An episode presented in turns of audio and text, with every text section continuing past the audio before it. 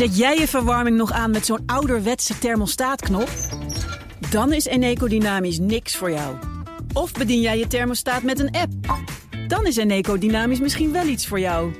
Doe de test op eneco.nl slash test om te ontdekken of een dynamisch energiecontract bij jou past. Mensen helpen een bewuste keuze te maken. We doen het nu. Eneco. Update. Goedemorgen, Nout Broekhoff van de. Nationale Autoshow. Hoi. Hi. Goed dat je terug bent. Ja, dankjewel. Yes. Rekeningrijden wordt mogelijk eerder ingevoerd. Ja, Nou, meldt maar. RTL Nieuws. Ehm, eh, ligt op tafel bij eh, de onderhandelingen over extra klimaatmaatregelen, zeggen bronnen tegen RTL.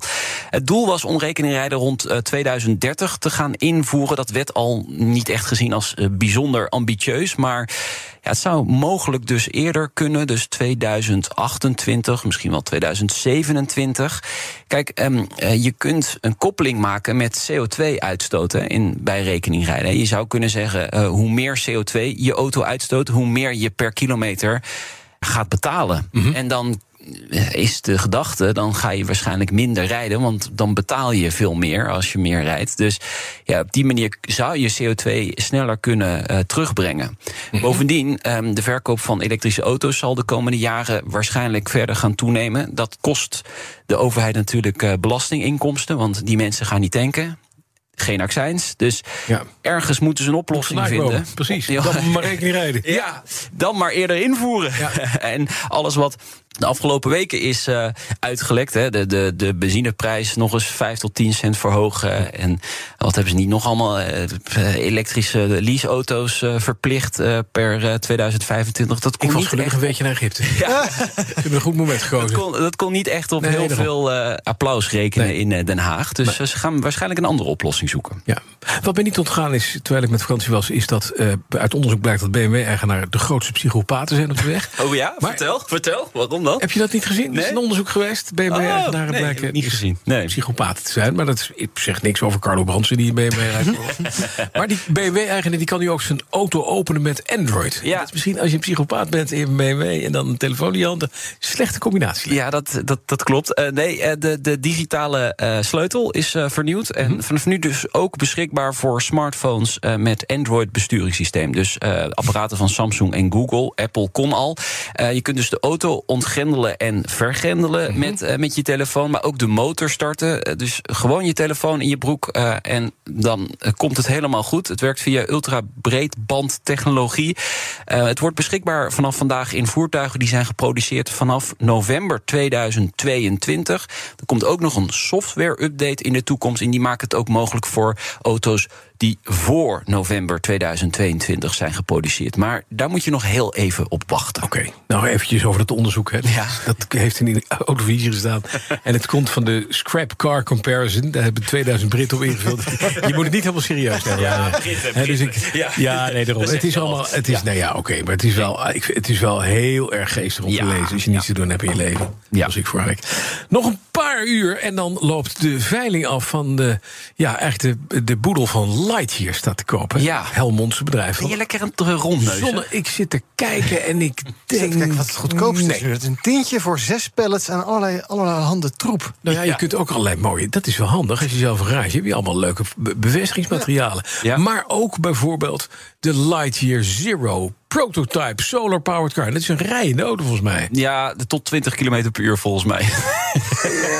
Ja, die is niet goedgekeurd, Bas. En eh, Nee, die mag nee. niet zomaar de weg op. Nee. Nee, theoretical drivability 20, 20 km per uur. eh, het valt me trouwens op, het loopt niet echt storm hè, qua biedingen. Nee, het is niet... Ja, wat, wat moet je daarmee? Ja, nou ja, leuk toch om een Lightyear eh prototype te hebben. Kun je lekker in de schuur zetten. Misschien wordt het ooit nog heel veel geld waard.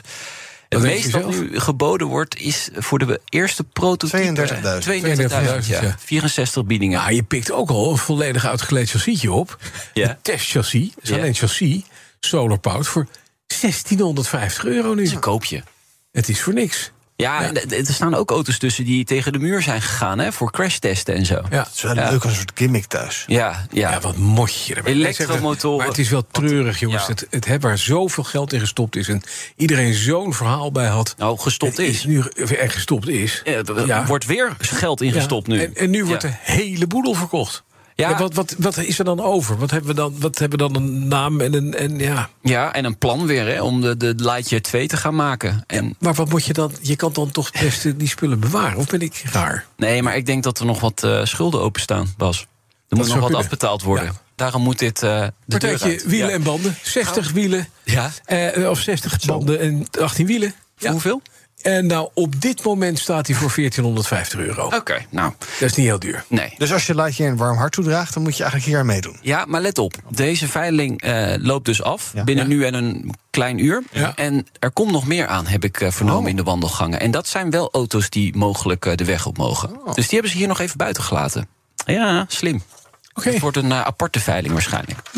En dan, de klimaatactivisten hebben de Formule E-race in Berlijn verstoord afgelopen Ja, weekend. die hebben waarschijnlijk de verkeerde afslag genomen. Want dat is toch vrij opmerkelijk. De Formule E, dat is de elektrische autosportklasse, eh, probeert juist het goede voorbeeld te geven. Ja. Eh, daar zijn de activisten van Die Letzte Generation ehm, het duidelijk niet mee eens. Er is een video op Twitter verschenen. Actievoerders klimmen over de hekken bij de start... tot onvrede van de toeschouwers.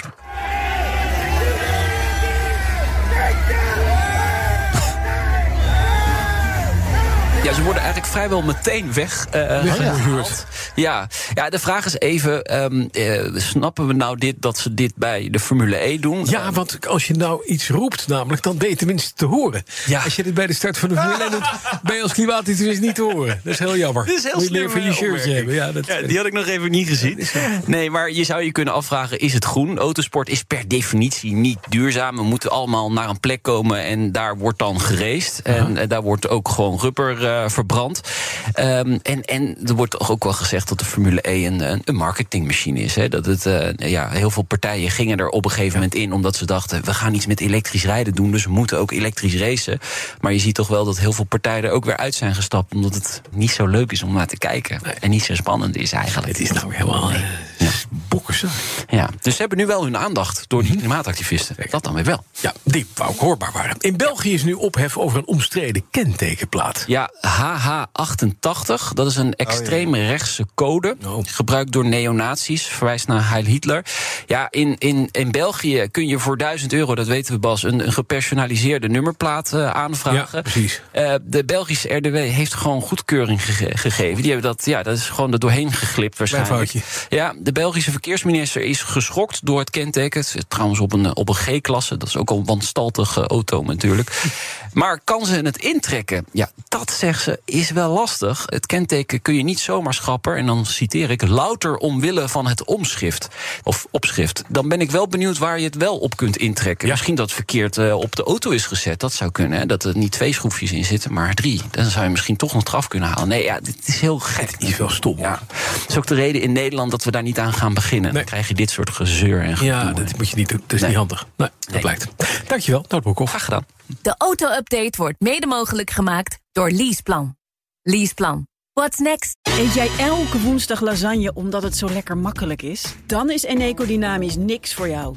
Maar kook jij het liefst elke keer wat anders met het risico dat ze zeggen... Ja, dag, dat gaan we echt niet eten. Dan is Eneco Dynamisch misschien wel iets voor jou. Doe de test op eneco.nl slash test om te ontdekken of een dynamisch energiecontract bij jou past. Mensen helpen een bewuste keuze te maken. We doen het nu. Eneco.